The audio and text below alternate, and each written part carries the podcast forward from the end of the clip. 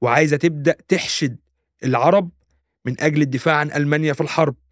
فنشرت إشاعة انتشرت في مصر والشام إن هتلر قد أسلم وبقى اسمه الحج هتلر.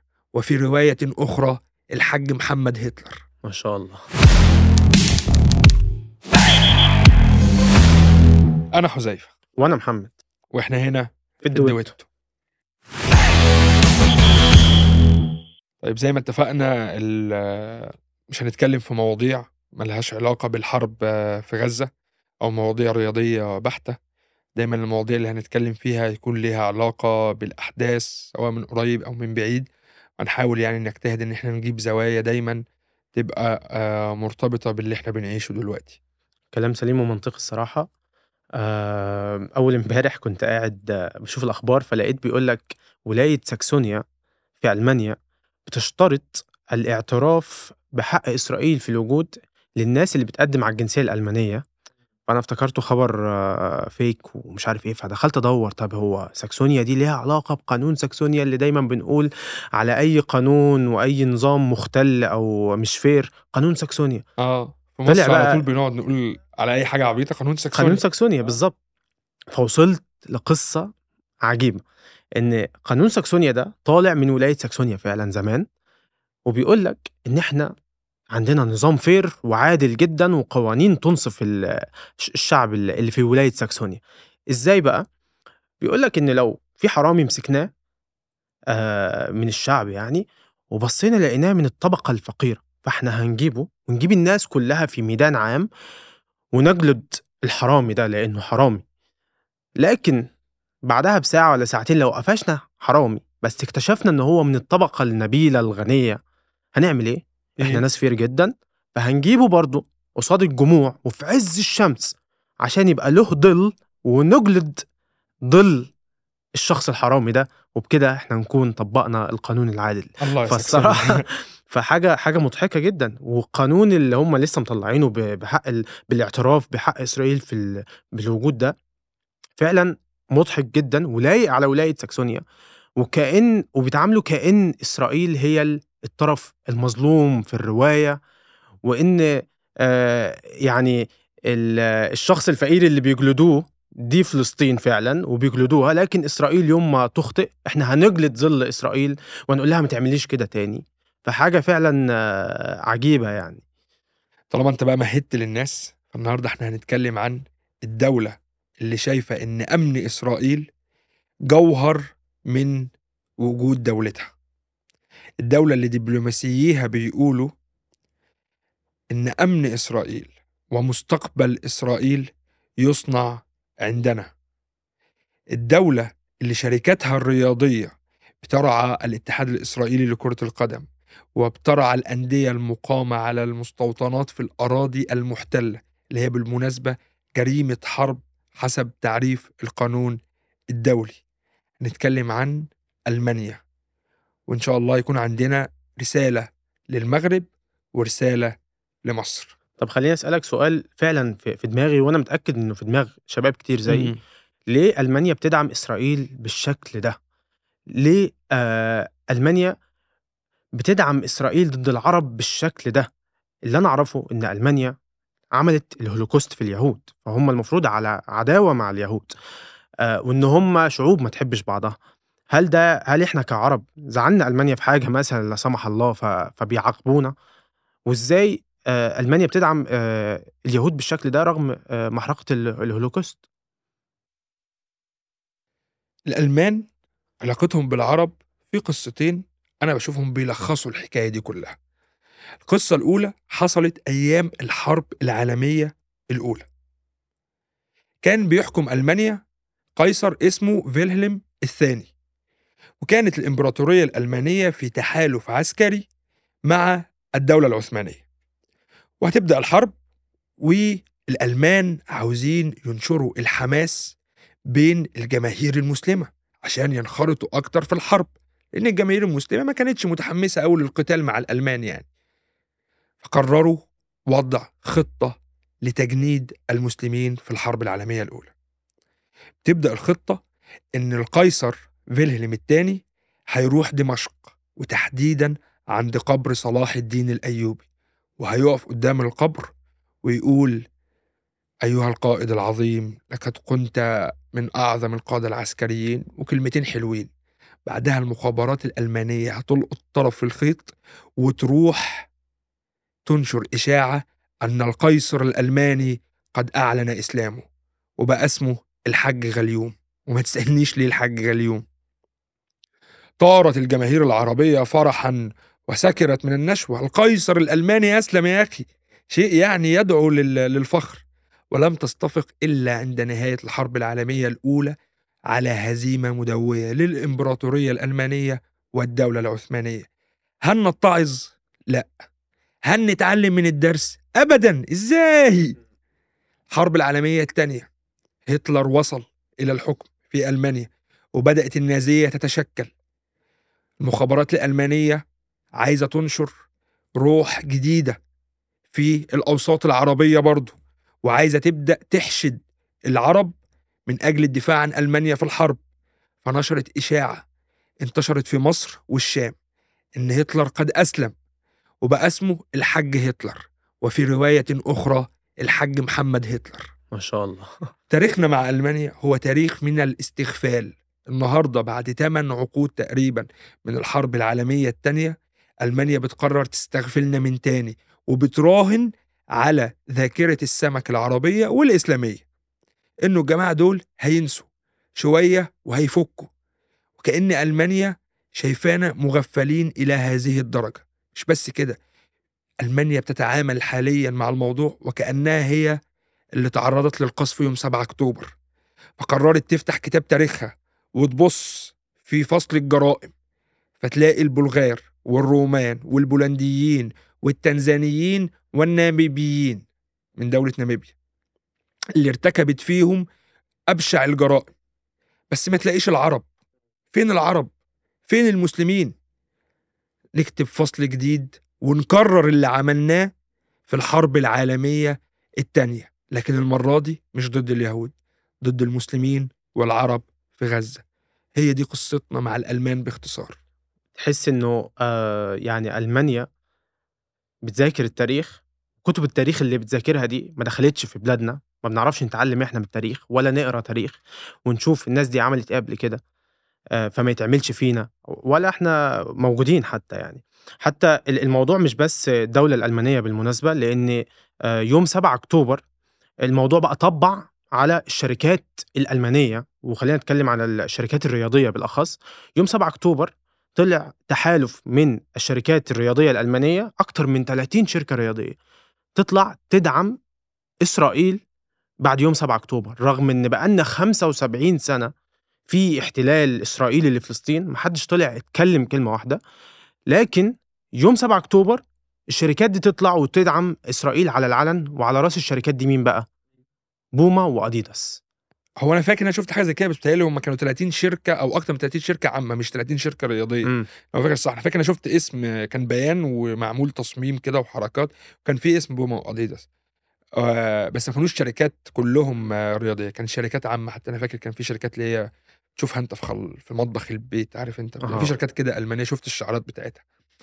لكن عشان يعني لو عايزين بقى نخصص الكلام لبوما وأديداس فاحنا محتاجين ونفهم هم ليه واخدين الموقف ده آه، في دعم إسرائيل.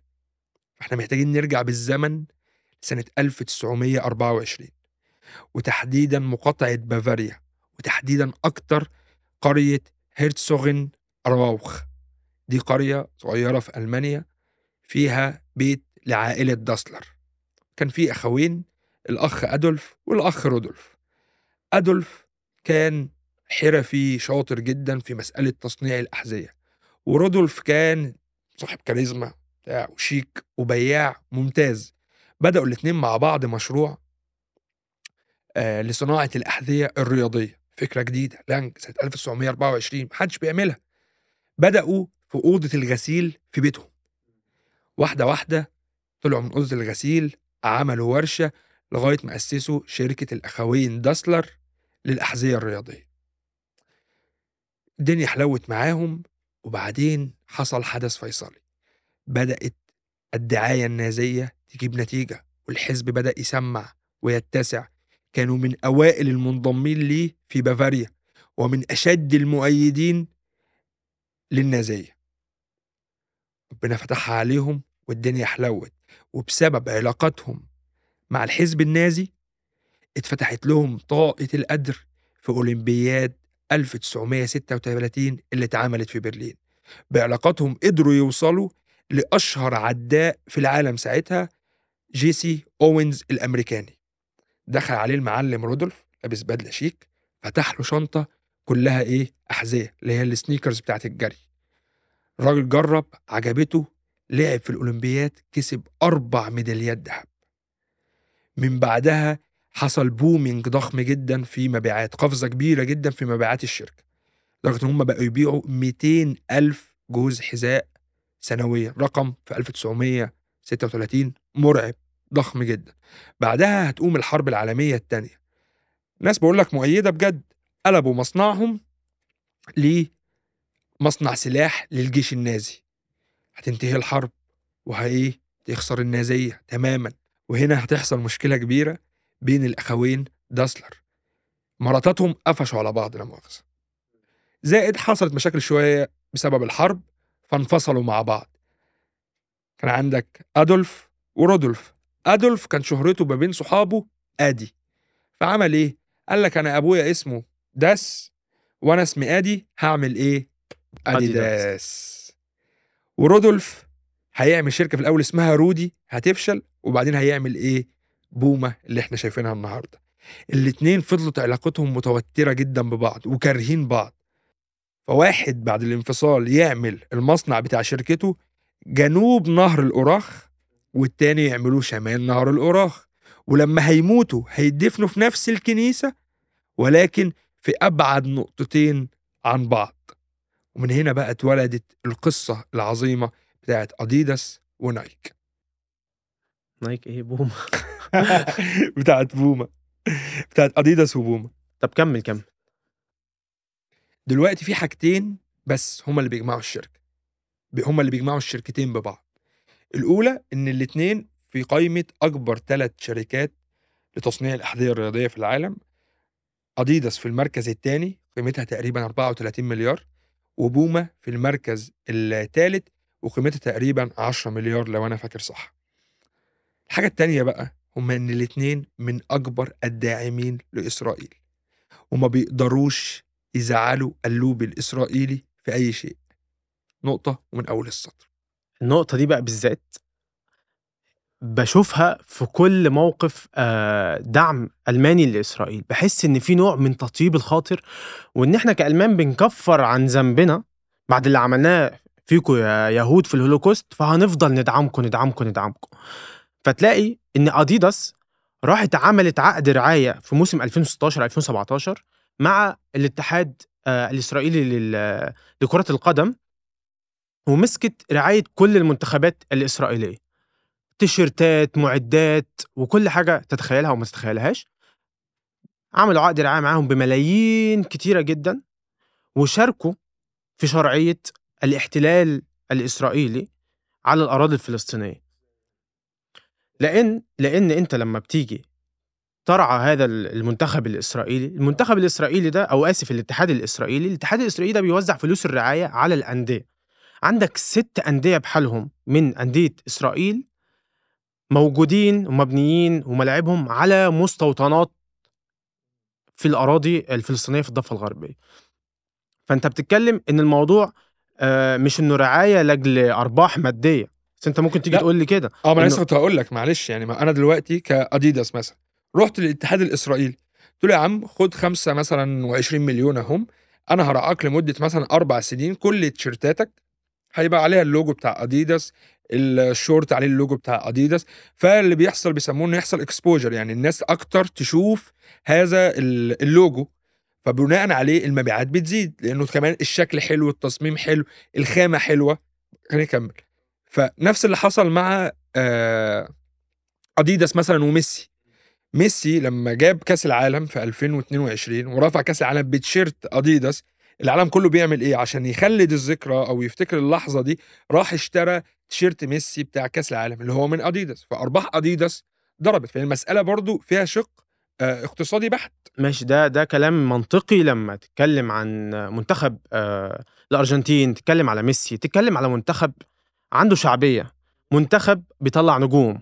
منتخب آه بيعرف يلعب كورة. يعني من الأساس يعني. ماشي. تمام.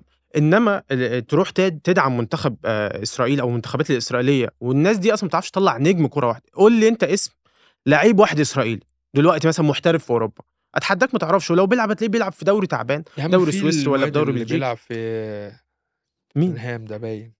مش عارف ما هو إيه. أنت مش عارف جاي اسمه. صدقني أنت مش عارف كان جاي اسمه. من فولهام يا عم. لا فالموضوع مش قصتنا. آه الموضوع مش بس رعاية مادية. رعاية مادية ده لما يكون آه بيدعم منتخب عليه القيمه إنما لما تدعم منتخب إسرائيل دي مش رعاية مادية. دي مساعدة آه لل- للاتحاد ال- الإسرائيلي وبالتالي مساعدة لإسرائيل ذات نفسها إن هي آه، تبني بقى ملاعب أكتر على مستوطنات أو على أراضي الفلسطينيين ويسرقوهم. أو حاجة كمان إن الفلوس دي بتطلع من اديداس تروح لمين؟ للاتحاد الإسرائيلي. الاتحاد الإسرائيلي ده بيوزعها على الأندية. الأندية دي زي ما قلت لك ما بتطلعش نجوم بتطلع شوية ناس يعني أنا آسف مستوطنين في الآخر بيجوا يقتلوا الفلسطينيين عشان بس تكون عارف عمر أبو القطين ده ده لعيب فلسطيني آه طلع شوية مستوطنين في القرية عنده حوالي 300 مستوطن يهاجموا أهل بلده وبيقولوا الموت لفلسطين الموت لفلسطين الناس دي ممكن يبقى مثلا نصهم أو تلتهم لعيبة في أندية بالمناسبة أنت مش هتعرف آه راح عمر أبو القطين يدافع عن أهله عملوا إيه؟ طخوه برصاصة رصاصة الرصاصة دي مين اللي دافع ثمنها؟ في الحالة دي أنا هقول لك اللي دافع ثمن الرصاصة اللي قتلت عمر أبو القطين أو عمر أبو القطين آه اديداس آه يعني أنت عايز تقول إنه والله آه، عمر أبو القطين آه، كان لعيب كرة بجد ودول مستوطنين آه، يعني آه، رعاع وشراذم من أهل الأرض يعني أو ايا كان. فدول بسبب إنه مثلا اديداس بتديهم رعاية وبتبني لهم أندية فهم بيقدروا يعيشوا في المكان. لما بتبني نادي فأنت بتخلي المكان يعني ممكن يتعاش فيه وممكن يبقى حلو. فهم بقى بتديهم فلوس أو يعني بتمولهم بطريقة غير مباشرة يعني. بالظبط. بالظبط. آه، شغل شياطين يعني.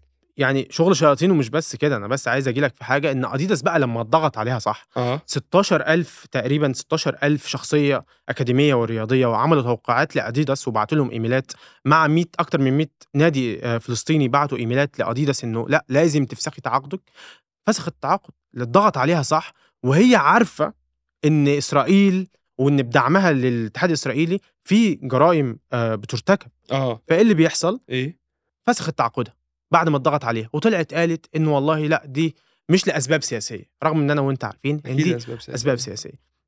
ولو بتتكلم بقى إن دول شياطين تعالى أوريك إبليس بقى ذات نفسه. بوما يا باشا بوما إيه اللي حصل؟ إيه؟ أول ما إسرائيل أو الأديداس فسخت تعاقدها مع الاتحاد الإسرائيلي أول شركة جريت على آه الاتحاد الإسرائيلي هي بوما راحوا جريوا عليهم. يلا عايزين نوقع بسرعة. أربع سنين آه مدة التعاقد بكام؟ بملايين كتير. ولم يعلن على فكرة كام. لأن. الموضوع لا لأن الموضوع لا هو ملايين كتيرة. ده يعني برضو في مصادر بتتكلم إن ملايين كتير وإن الدعم كبير. والدعم ألماني برضو لأن أنت بتتكلم أديداس انسحبت. دخل مين؟ دخلت بوما مطرحها وبوما بقى مش بس شاركت بإن هي تدعم الاتحاد الإسرائيلي بفلوس الرعاية ففلوس الرعاية تتوزع على الأندية. فالأندية دي اللي مبنية في مستوطنات تتشرعن. ده ساعدت في بناء ملاعب فين على الاراضي ال- ال- اللي هي المحتلة في الضفة على الغربية بس خد بالك الأرض المحتلة في إسرائيل اللي العالم معترف بيها إحنا بنعتبرها محتلة ولا بنوا على مستوطنات لا تفرق بنوا على. مستوطنات مم. في الضفة الغربية غير إن هم حتى لو بنوا في إسرائيل اللي هم بيقولوا إنها محتلة دي برضه آه بس يعني, آه. على الأقل إحنا بقى بنتكلم يعني إيه لا ب- بلغتهم هم آه بلغتهم هم بقانونهم هم آه. بنوا في الأراضي الفلسطينية ملاعب يعني خرجوا من فكرة بوما خرجت من فكرة الدعم الغير مباشر لإسرائيل عن آه. طريق الرعاية للدعم المباشر لبناء ملاعب على الأراضي الفلسطينية. حلو. وكمان عايز أقول لك حاجة إن بناء المستوطنات دي أو المستوطنات دي. أصلا جريمة حرب زي ما أنت قلت في الأول. القانون الدولي مش حسب القانون. الدولي. آه. فبوما دي تعمل إيه؟ جريمة حرب دلوقتي بترتكبها. يعني بتساعد فيها. بتساعد فيها. آه. أنا مش دعوة أي حد بيساعد هو بيرتكب. ماشي يعني بس بوما لسه امبارح آه، فسخ تعاقدها بعد مع إيه بقى؟ بعد أربع سنين من الضغط.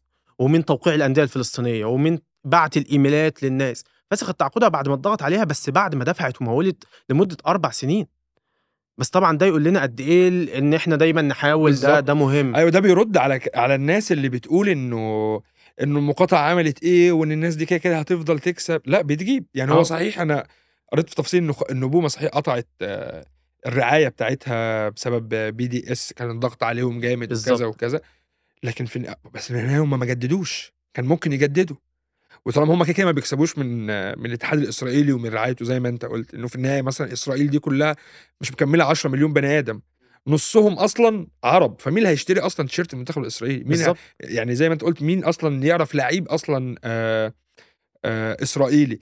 فدي نقطة مهمة إن الناس فعلًا تبقى فاهمة إن مقاطعتها بتجيب نتيجة، أهو امبارح مش امبارح يعني من يومين 3 ستاربكس 12.000.000.000 خساير، خساير في قيمة ال brand نفسه، وخساير فعليًا، الناس بطلت تشرب ستاربكس، أنت راجل يا عم بتدعم الإسرائيليين والصهاينة. آآ بطّل تدعمهم، بس أنا كنت عايز أقول لك حاجة على موضوع بسم الله الرحمن الرحيم آآ أديداس.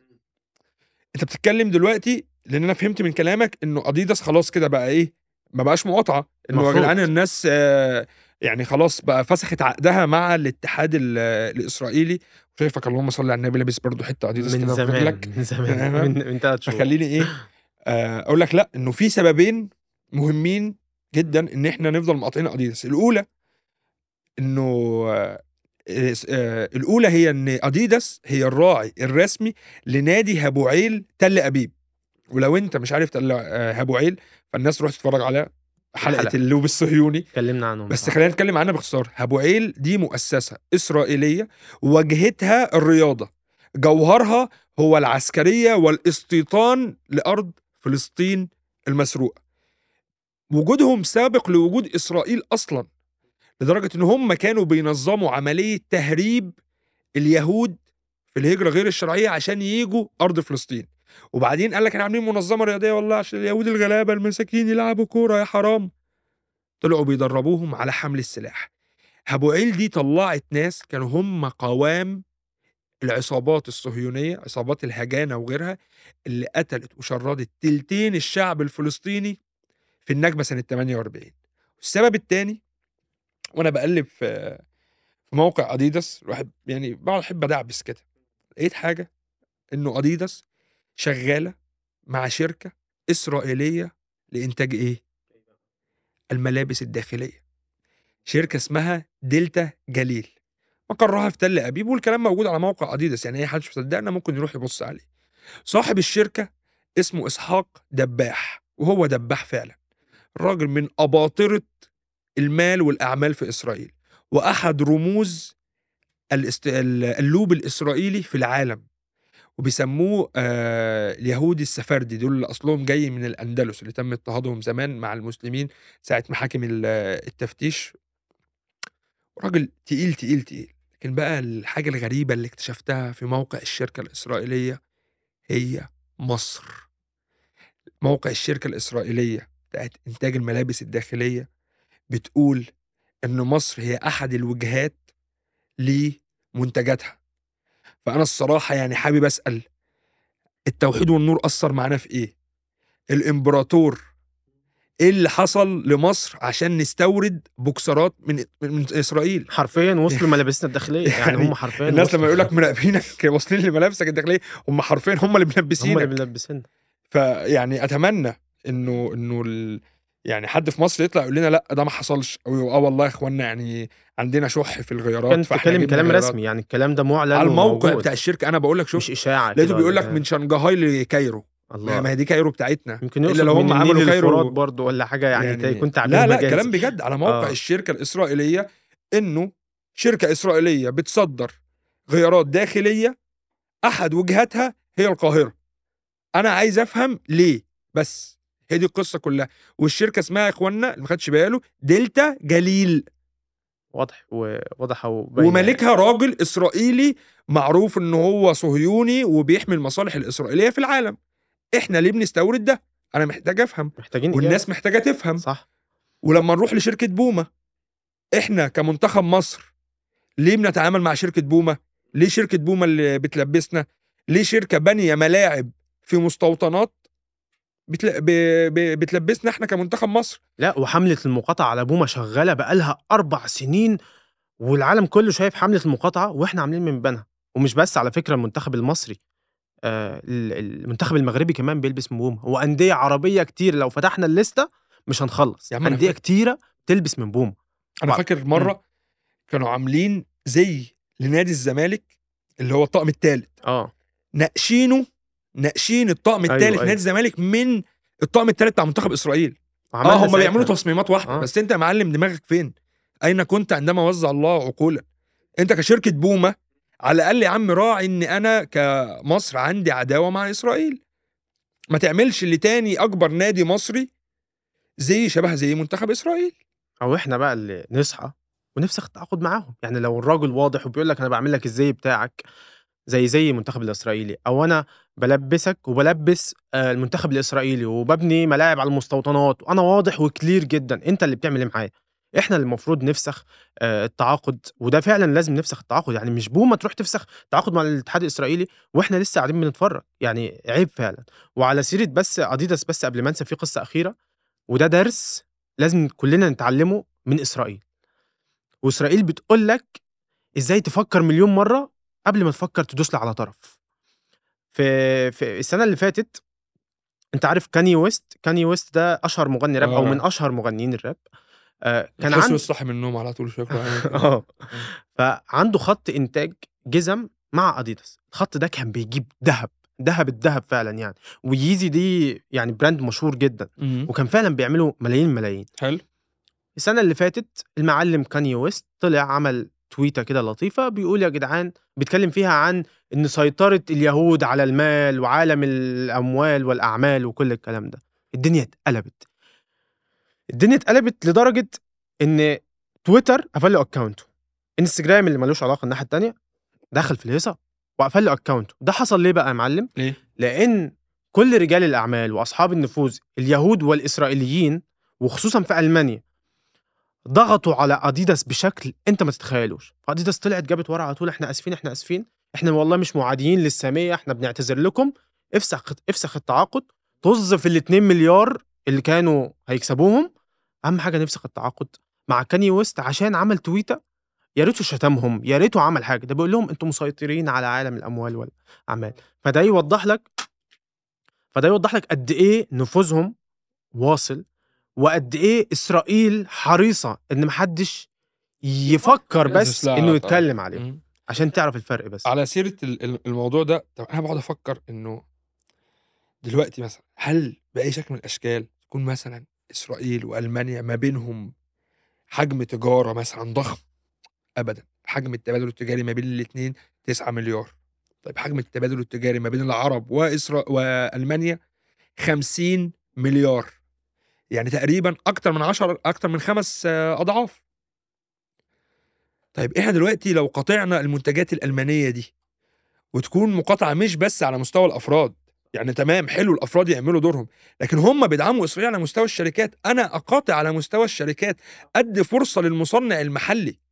ولما قاطع أنا كمان الناس برضو بتفتكر إنه المنتجات الألمانية غالية. فمثلا والله بس ال ال ال الناس اللي عندهم مقدرة مادية عالية أو الدول مثلا الخليجية هم اللي يقدروا يستوردوا المنتجات الألمانية. وأنا بدعبس كده في الإنترنت لقيت إن مصر هي تالت أكتر دولة فيها منتجات المانيا بعد آه الإمارات والسعودية. يعني تالت أكتر دولة عربية. مفيش مطبخ مصري ما فيهوش خلاط ولا مايكروويف ولا حلة مش ألماني. مفيش برضو تلاجة مصرية ما فيهاش دواء آه، مش ألماني. يا باشا إحنا عايزين نقاطع إحنا مش عايزين بس نقاطع إحنا عايزين نوصل لمرحلة الاستغنى. إحنا لازم نخرج من فكرة إن أنا حياتي كلها هم اللي ملبسيني وهم اللي مأكليني وهم اللي ماسكيني التليفون وهم ملبسيني الساعة دي. لازم نطلع بقى من القصة دي لازم نوصل لمرحلة الاستغنى واخلي ابن بلدي يا عم يلبسني هو ويشربني وي- وي- ويكسيني ويعمل كل حاجة. ولو قدرنا نعمل ده هيجوا في النهاية زي ما أنت بتشرح مثلا تقول مثلا الشركة دي بتطلع مثلا line production ب 2 مليار ومش عارف قيمتها التسويقية كام؟ طيب ده البراند سمعته؟ هو إيه؟ هي فلوسه يعني فلوسه دي جاية من السمعة. بالظبط. وزي ما أنت قلت لازم الضرب بيبقى على مستوى الشركات. بالظبط. دولة قصاد دولة حكومة قصاد حكومة زي ما هم بيدعموا كده. بصراحة إحنا كمان نعمل كده. ليه بقى؟ لأن أنت لو بصيت لأرباح بوما الناس ممكن تقول لك يا عم ده بوما يعني ما مش هتضرب في إيه؟ بوما أرباحها السنة اللي فاتت كام؟ حوالي 10 مليون 10 مليار دولار أها. السنة اللي فاتت تعالى بس أديك يعني فكرة قد إيه الرقم ده ضخم عشان ممكن ما نبقاش متخيلين السنة اللي فاتت قناة السويس أهم قناة في في العالم تقريبًا. آه. أرباحها كام؟ أقل من 10 مل مليار كام؟ دولار، 9 وشوية. يعني متأكد؟ تقريبًا طبعًا متأكد، يعني تقريبًا مساويين أو أكتر كمان أها. لصالح بوما. فأنت لمّا تتكلم إن أنت تروح تقاطع تقاطع بوما على مستوى الشركات وعلى مستوى إن أنت تضغط آآ الأفراد يضغطوا على ال ال الشركات وعلى المؤسسات الكبيرة إن هي تقاطع، ساعتها الضرب آآ هيبقى في المليان، وساعتها الأرقام اللي هيخسروها هتبقى أرقام كبيرة جدًا، جدًا يعني. كنت بابُص بس أتأكد إن ال اهم. المعلومة لا، أنا أنا قُلتها مذاكر كويس ما. تخافش. فعلًا، فعلًا أكتر من قناة إمم. السويس. ال ال ال أنت عارف الحاجة ال اللي اللي بتغيظني، إنه مثلًا قصة كانيي ويست اللي أنت قُلتها، أنا ما ليش في الراب بس ليّا الحوارات بتاعة معاداة السامية. أي حد بيطلع ينتقد إسرائيل هوب امسك معادي للسامية هنا وهناك، و وأنا فاكر إنه يعني إيه ال الtrend كان عالي ساعتها. ال اللي بيجننّي إنه إحنا كمان ساميين، إحنا كعرب، إحنا أبناء سام والله يا إخوانا، يعني مش اليهود بس. ليه بقى لمّا مثلًا الإسلام أو العرب يتم انتقادهم وشتمهم والتريقة عليهم، ما حدش بيطلع يقول والله إحنا ضد اللي بيحصل ده، لإنه إحنا لازم نكون ضد معاداة السامية.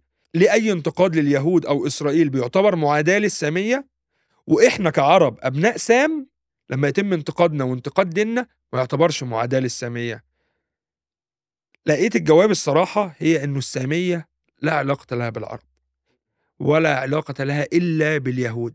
السامية هي اعتراف بأن اليهود هم شعب الله المختار، ومعاداة السامية هي أي محاولة للقول بأننا كلنا سواسية. آه، إن إحنا أصلًا مش مش زي بعض. هو اليهود هم شعب الله المختار، والباقي دونهم. فأي حد بيقول إن إحنا كلنا سوا، هو كده معادي للسامية في نظر اليهود. آه، يعني مش لمّا أطلع أقول الم الموت لإسرائيل والّا الموت مش عارف إيه، لأ، لأ، ده ده كده لمّا بقى أنت أنت ممكن مجرد إن إحنا أصلًا سواسية، ده أنا كده معادي أنت ممكن للسامية. تلحد ولا إن أنت تجيب سيرة إسرائيل، يعني عادي إحنا ن يعني ممكن نعمل كاريكاتير على نتريق فيه على استغفر الله العظيم مثلًا ربنا أو الرسل أو أي حاجة، بس أنت ما على اليهود، ما تقدرش. يعني هل فرنسا مثلًا صحيفة شارلي إبدو اللي هي معروفة بتريقتها طول الوقت على الإسلام والرموز الإسلامية، تقدر تعمل كاريكاتير واحد بيجيب فيه سيرة لليهود؟ مستحيل.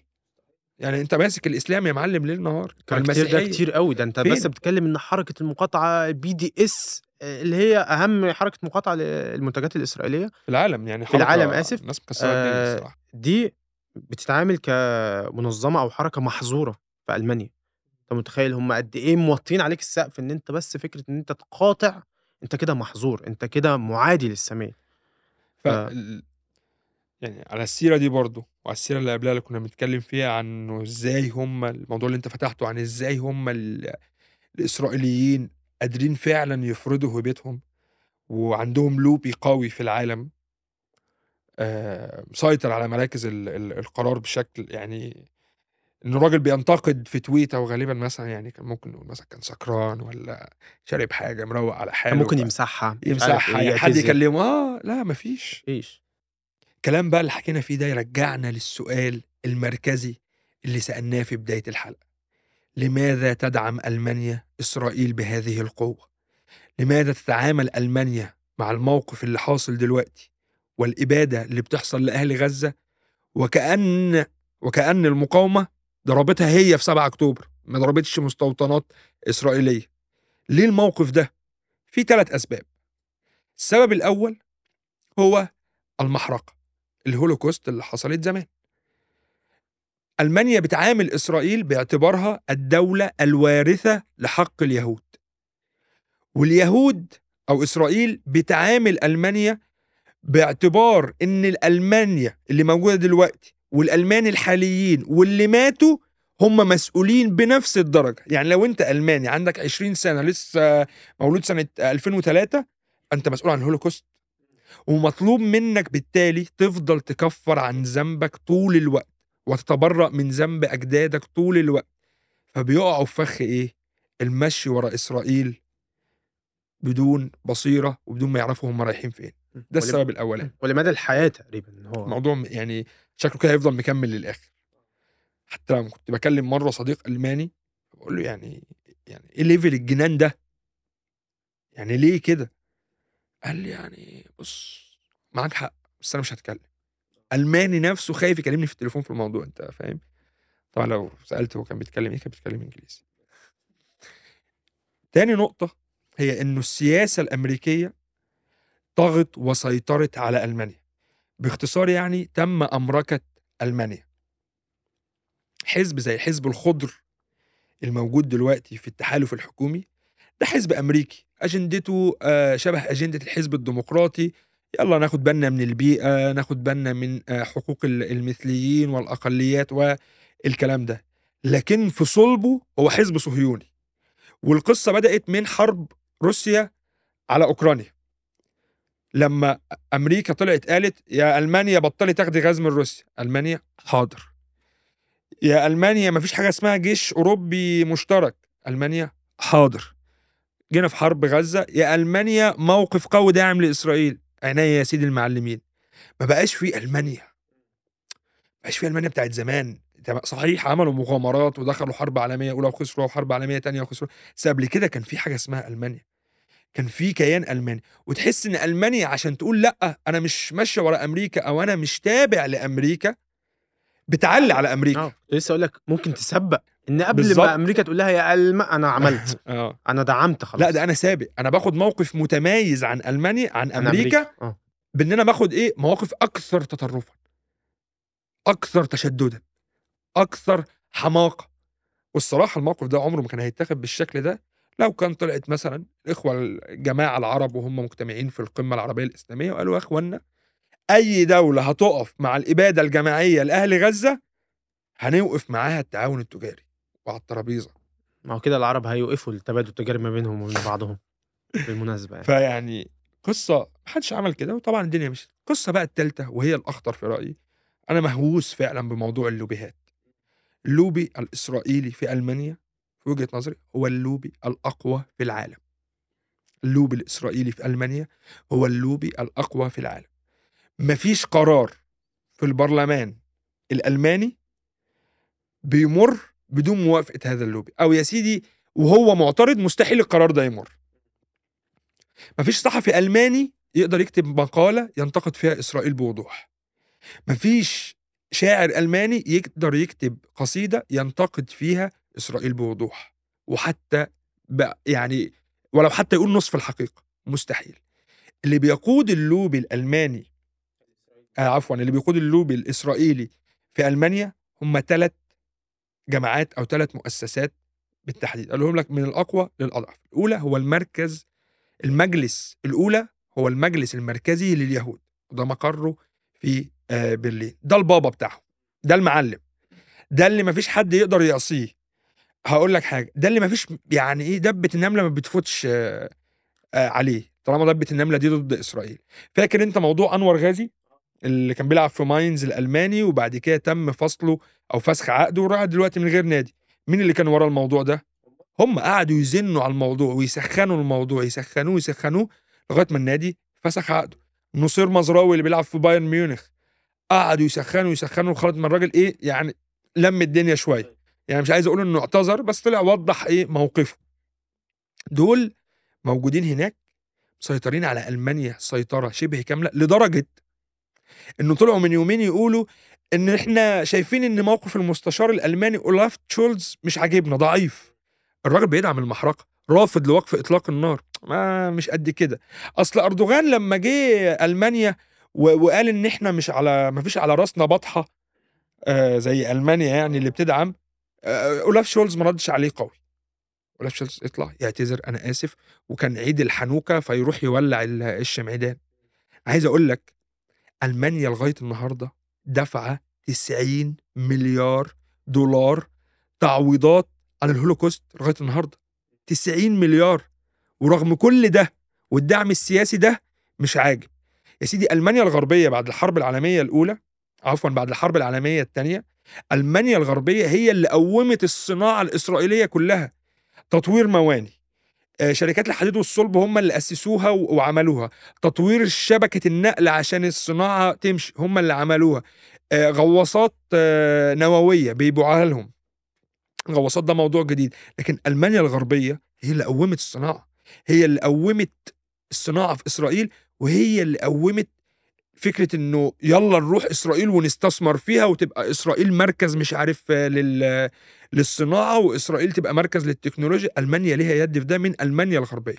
من ساعة ألمانيا الغربية من ساعة بعد الحرب العالمية الثانية نرجع لموضوع اللوبيهات تاني واحد مركز اسمه مركز مبادرة القيم Value Initiative ده راجل بقى صريح في العلن بيجيب البرلمانيين والسياسيين الألمان وبيجندهم.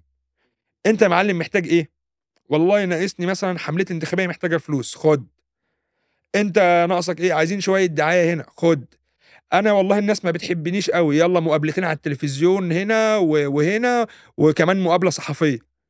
يظبطوا يعني بالبلدي كده يجندوا. خلاص ده بتاعي. بمول له حملته بديله مفيش حاجة هتعدي من إيه؟ من تحت ايدي. بالظبط ويوم محتاجه بكرة وبعد بالظبط. زي ما عملوا مع. BDS بالظبط. هوب عايزين نجرم بي دي اس اتجرمت بي دي اس تالت واحدة مجلس اسمه آه نافو. يقول لك مبادرة ال- السلام في الشرق الأوسط. اكتم الضحك. ده بقى بيعمل نفس شغل مبادرة القيم لكن في السر. شغل يعني فيه إيه؟ في شوية شغل شمال. يعني آه يعني رئيسة ال- الرئيسة التنفيذية لل- للمجلس ده اللي اسمه نافو قالت إحنا بنقعد نجتمع مع السياسيين سرا. قعدة حلوة أكلة حلوة إزازة حلوة ونتفق على اللي هنعمله. طيب واحد قرر إنه مش هيمشي معانا نبتزه. شوف بقى إيه وهو صغير عمل إيه؟ آه، خبط له عيل بعربية آه، ممسوك بحاجة آه، متهرب من ضرائب غش في امتحان في الثانوية. ده بجد بيعملوا كده. يعني النهارده رئيسة جامعة هارفارد اللي هي رافضة تاخد موقف داعم بالكامل بس للصهيونية والإسرائيل؟ قال لك إيه ده؟ رئيسه الجامعة بتاعت هارفارد. قال لك ده طلعت غشة في أربع أوراق قبل كده بحثية زمان. ده إحنا بقى لازم نحقق في الموضوع ده ونرفدها ونجيب واحدة إيه؟ داعمة لإسرائيل. الثلاث مراكز دول نافو و ثلاث مراكز دول نافو و Value Initiative اللي هو مبادرة القيم. والمجلس المركزي لليهود دول فعليا مسيطرين على ألمانيا. يعني انت ممكن ألمانيا عندها قرار السياسي بتاعها. حلو. بس أنا جايب السياسيين اللي هياخدوا القرار السياسي ده. صباح الفل. أنا مسيطر على وعيك. أنت وأنت بتفكر كألماني أنت بتفكر عشان ترضيني. ما بتفكرش عشان ترضي مصالحك. أنت بتفكر وأنت خايف مني. طب خايف مني ليه؟ هل إسرائيل دولة قوية للدرجة دي؟ ولا إسرائيل بتتحكم في أمور سرية إحنا ما نعرفهاش لدرجة إن ألمانيا تبقى خايفة على زعل ربع مليون يهودي في أرضها وتدوس بالجزمة على خمسة ونص مليون مسلم عايشين على أرضها قاعدين خايفين يكتبوا بوست عن فلسطين ولا ينزلوا story فيها س- أطفال غزة وهم بيموتوا لا من شغلهم. إيه يا معلم؟ يعني أنا كمسلم إحنا خمسة مليون لا عملنا جماعة ضغط ولا عملنا حزب.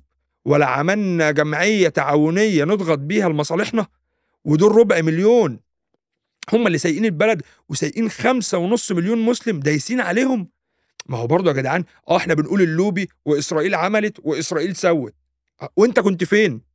مش محمد رمضان قال لك جيش بلدك كان فين؟ جيش بلدك كان فين بالظبط آه ما انت أنا هقول لك على؟ حاجة أنت قلت إسرائيل مش أقوى بلد في العالم بس في رأيي إسرائيل أو اليهود هم أذكى ناس في العالم تخيل تبقى ماسك كارت في الدرج عندك تعرف تقوم بيه بلدك تعرف آه يبقى ليك حق في الوجود. كارت صغير م- ماسكه على ألمانيا. شوف انت انت قلت كام كام واحد ألماني كام واحد يهودي أو إسرائيلي تقريبا آه، يهود ألمانيا ربع مليون. ربع مليون. عفوا نص مليون maximum. يا عم نص مليون. امم وفي قصادهم خمسة ونص مليون مسلم. آه مسلم. مم. بس هم معاهم كارت. بيعرفوا يطلعوه إمتى؟ يستخدموه إمتى؟ كارت الهولوكوست. كل ما ألماني يتكلم ولا حتى بس يفكر يعمل أي حاجة أو يعمل أو يتخذ قرار مش في صالح آه إسرائيل طلع يا باشا كارت ها ها ولا؟ طيب بس. هو هنا بقى في نقطة. ومش مقتصرين على الدعم هل المادي. هل إحنا بس هل بس اليهود اللي تم في حقهم مثل هذه الأنواع من الإبادة؟ غزة بيحصل فيها دلوقتي كده. ال- البولنديين الألمان طلعوا عين أبوهم كل شوية ألمانيا ما تتضايق يلا تعالى بولندي تقعد 13 له. راحوا تنزانيا وناميبيا زي ما حكينا في حلقة قبل كده قتلوا ملايين ملايين. يعني أقل تقديرات بيقولوا إن هم قتلوا 800 ألف. يعني دي, هي دي. ليه؟ أنت عارف إدوا كام لناميبيا؟ كام؟ مليار. مليار. ودول مليار. مليار. 90 مليار. 90 مليار. وبيقول لك إيه؟ أي واحد يجي يثبت إن أسلافه أجداده كانوا من ضحايا الهولوكوست وقدر يثبت ده يا باشا بيطلع له على طول وقت تعويض. ده في ناس بيدفع لها 300 يورو شهريا مدى الحياة. وأنا يعني بي- بيقعدوا يرضوهم وإحنا ما حدش بيراضينا ليه؟ عشان هم منظمين. إحنا مش منظمين. يعني أنت شوف عددهم وعددنا. في مثال ألمانيا تعرف قد إيه هم منظمين؟ وقد إيه عندهم هدف ماشيين وراه؟ وقد إيه هم خايفين على دولتهم إن هي تروح؟ وقد إيه متمسكين ببلدهم أو ب... حتى لو بكذب أو بشيطنة. وإن هم فعلا يهود يعني اللي سموهم يهود ما غلطش. هم فعلا يهود. ليه؟ لأن هم بيعرفوا يستخدموا الكارت صح كارت هولوكوست ماسكينه وماسكينه على العالم كله على فكرة. يعني هم مسك... مش بس ماسكينه على ألمانيا. فأنت ألمانيا تديهم 90 مليار دولار لحد دلوقتي مش كفاية. ادعمني. لو وصل لو طلبت معاهم إن الألمان هم اللي يمسكوا صواريخ يضربوه في آه غزة هيعملوا آه بالظبط يعني هم ادوهم بيبيعوا لهم سلاح دلوقتي وبعدين بفكر بتديهم غواصات نووية ليه؟ يعني ألمانيا ليه تبيع لاسرائيل غواصات نووية؟ هتضرب بيها مين يا ابني؟ هتضرب بيها مين؟ ما أنت شايف الحال عامل عندنا إزاي في المنطقة الناس بتقول لك اتفضل يا باشا يعني محدش بي- محدش حتى هم بس يا دوبك الجماعة في غزة هم اللي مدين روح لل... للأمة دي كلها يعني هو الأمل الصراحة الوحيد إنه الروح دي تتنقل يعني الروح دي بتاعت إن أنت لأ ما ينفعش تموت غير لما تكون ند. بتاعت الغسان كنفاني قالها لا تمت قبل أن تكون ندا. هي الروح دي اللي لازم تتنقل هي دي الروح اللي لازم نبني عليها.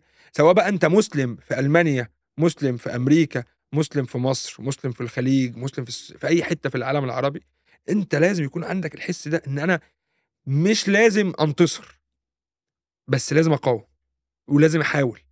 وخصوصا إنه خد بالك أنت شايف دلوقتي الوضع يعني لا إحنا نقدر يعني أنت بسهولة جدا في موضوع ألمانيا كارت المقاطعة الاقتصادية ألمانيا هتجيلك ركعه فيعني لازم الناس تاخد بالها. من فكرة إنه مش بس مقاطعة المنتجات الإسرائيلية والأمريكية قد ما هي كمان مقاطعة المنتجات الألمانية الألمانية بشكل واضح آه. وصريح زي ما قلنا طالما ألمانيا بتتعامل مع الحرب الحالية وكأن الحرب دي ضدها لابد إن إحنا نتعامل مع المنتجات الألمانية باعتبارها منتجات إسرائيلية.